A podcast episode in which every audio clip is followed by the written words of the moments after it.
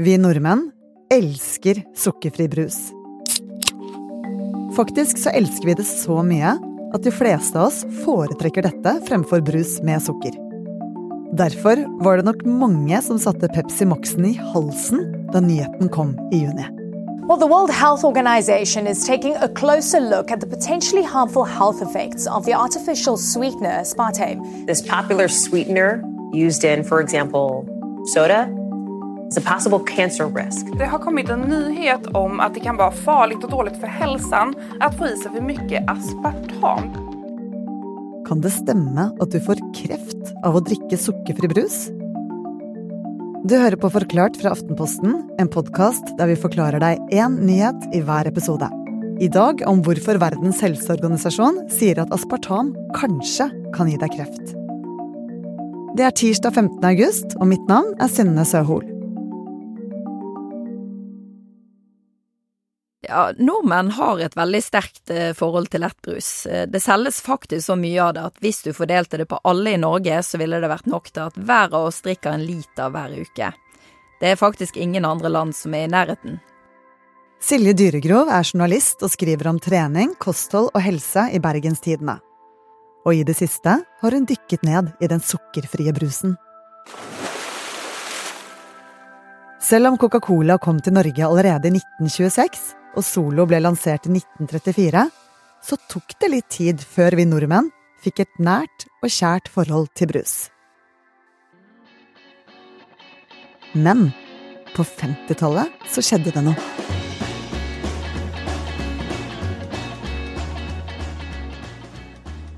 Nordmenn har ikke alltid hatt et så høyt eh, forbruk av brus. Jeg snakket nylig med forsker Anniken Bahr Bugge om dette, og hun har tidligere skrevet en historisk bok om mat og spisevaner. Bugge kunne fortelle at vi drakk eh, lite brus eh, frem til 1950-tallet, men da kom USA på moten, og med det også brus, ikke minst cola. Etter dette så økte brusforbruket jevnt og trutt, og nådde en peak på slutten av 1990-tallet. Ja, Da lettbrusen kom på markedet som Cola Light og Tab Extra, så slo de faktisk først ikke helt an. Men så, i 1998, kom Ringnes på banen, og de lanserte Pepsi Max. New Pepsi Max. Maximum cola taste and no sugar. Hittil så hadde lettbrus blitt markedsført som slankende og sunn, men med Pepsi Max så valgte Ringnes å heller fokusere på smaken.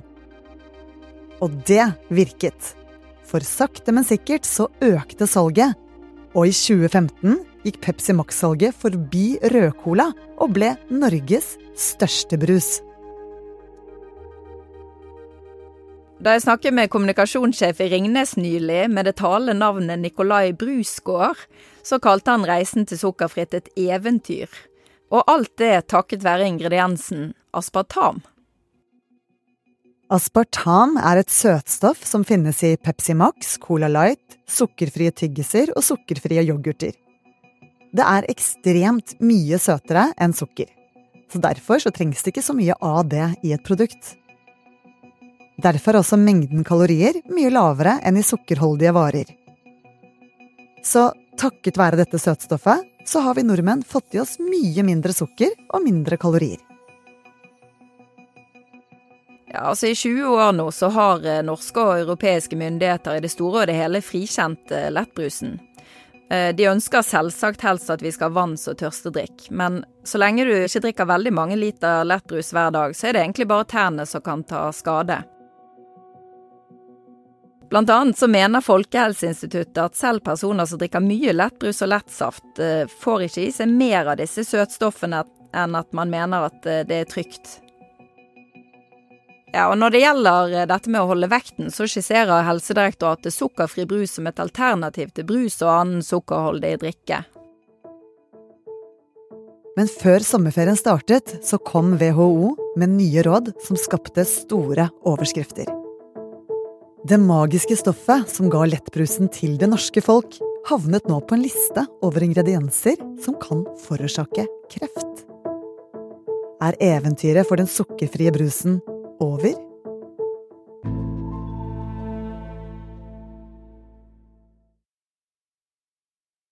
Ja, for et par måneder siden så kom WHO med nye advarsler.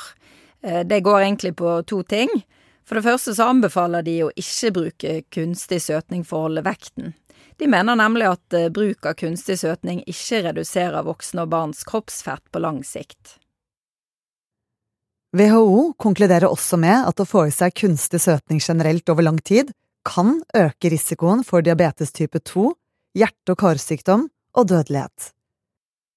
Det andre som kom fra WHO i sommer, fikk mye oppmerksomhet. I rapporten så konkluderte de med at aspartam kan være mulig kreftfremkallende. Denne mulige kreftrisikoen gjelder spesifikt leverkreft. Så man kan få kreft av å drikke Pepsi Max og Cola Light? Nei, altså dette er sammensatt, for samtidig som WHO påpeker farene ved aspartam, så understreker de at mengden folk flest får i seg, er trygg. Det er kanskje ikke så lett å bli klok av all denne forskningen. For forskning på hva kosthold gjør med helsen din, er vanskelig å gjennomføre. Men husk dette.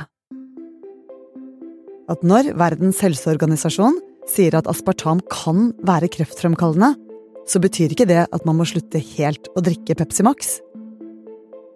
Rådet fra WHO rundt aspartam er egentlig produsenter trenger ikke trekke tilbake produkter, forbrukere trenger ikke slutte å bruke det helt, men de anbefaler litt eh, moderasjon. Derfor gjelder fortsatt den tidligere anbefalingen til WHO. Det betyr at for en som veier 70 kilo, så må du drikke mellom 3 og 5 liter brus hver dag for å overstige den grensen.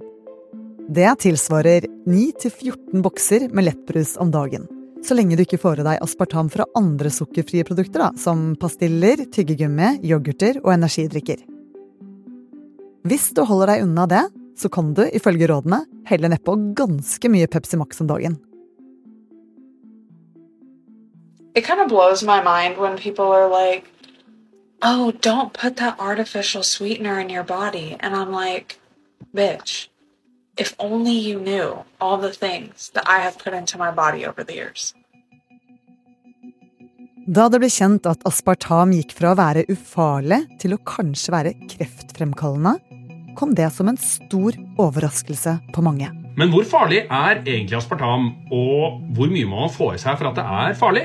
Fordi den siste tiden så But hundreds of studies have shown that aspartame is safe. Diet Coke probably isn't giving you cancer. This is crazy stuff. So we've just found out there's a chemical in Diet Coke that is literally killing your cells and aging you with every sip. Altså, det var ekstremt mye oppmerksomhet eh, rundt eh, dette. Eh, masse mediesaker og masse sterke meninger. Samtidig så var det noen som prøvde å roe oss ned, som for eksempel overlege og professor Jørn Hjelmeset. Han uh, uttalte til NRK at uh, det var på en måte ingen uh, nye ting i denne rapporten som gjør at man burde ha grunn til å frykte at lettbrus eller aspartamholdige produkter skulle være farlig for helsen. Han mente tvert imot at det var egnet til å skape unødig frykt. Når Verdens helseorganisasjon lager nye råd, så vurderer de alltid hvor sikre rådene er.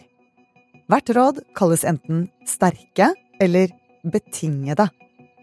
Og det med kunstig søtning ble vurdert som betinget, altså at man ikke hadde like godt grunnlag for rådet. For noen måneder siden så snakket jeg med en av forskerne bak WHO-rapporten på kunstig søtning. Eh, han fortalte meg at eh, det er veldig vanlig at ernæringsstudier vurderes av lav sikkerhet. Dette har med at eh, det er vanskelig å forske på hvilken effekt ernæring kan ha på sykdom. Hvorfor er det egentlig så vanskelig? Altså, Så lenge man ikke på en måte tar en gruppe mennesker og låser de inn i et rom eller i et hus og har full oversikt over hva de inntar av mat over en lengre periode, så er dette vanskelig å svare på. Men han understrekte samtidig at eh, selv eh, om noen av studiene på kunstig søtning hadde svakheter, så var de fleste studiene godt utført, og han mente at resultatene var godt egnet til å gi gode råd. Ja, hva med rådene rundt aspartam og kreft, da? Altså Her plasserte WHO den i kategori 2B. Denne kategorien brukes som regel når det finnes begrenset, men ikke overbevisende bevis for kreft hos mennesker. Hvis bevisene var sterke, så ville aspartam blitt plassert i en høyere kategori. Ok, så det virker ganske usikkert da om sukkerfrie produkter egentlig er farlige? Ja, altså begge disse rådene, både på kunstig søtning generelt og aspartam spesifikt, har i alle fall eh, fått kritikk. Eh, da rådene om kunstig søtning kom ut, snakket jeg med en forsker eh, på Folkehelseinstituttet og Vitenskapskomiteen for mat og miljø. Hun mente blant annet at bevisene rundt dette med dødelighet og hjerte-karsykdom er veldig svake, og at det ikke gir grunnlag for en så sterk konklusjon. Hun mente også at eh, det er usikkerhet rundt dette med BMI og vekt, eh, spesielt knyttet opp mot årsakssammenheng.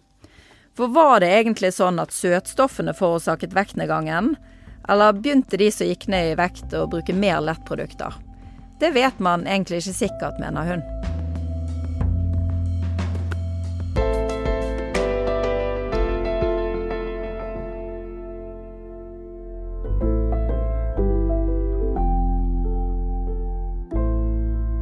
Du har hørt en podkast fra Aftenposten.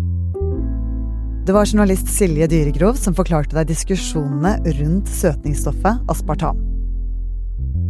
Denne episoden er laget av produsent Anders Weberg og meg, Synne Søhol. Resten av Forklart er Jenny Førland og Olav Eggesvik. Lyden du hørte, var fra NBC News, CNN, Aftonbladet, TikTok og reklame for Pepsi Max på YouTube.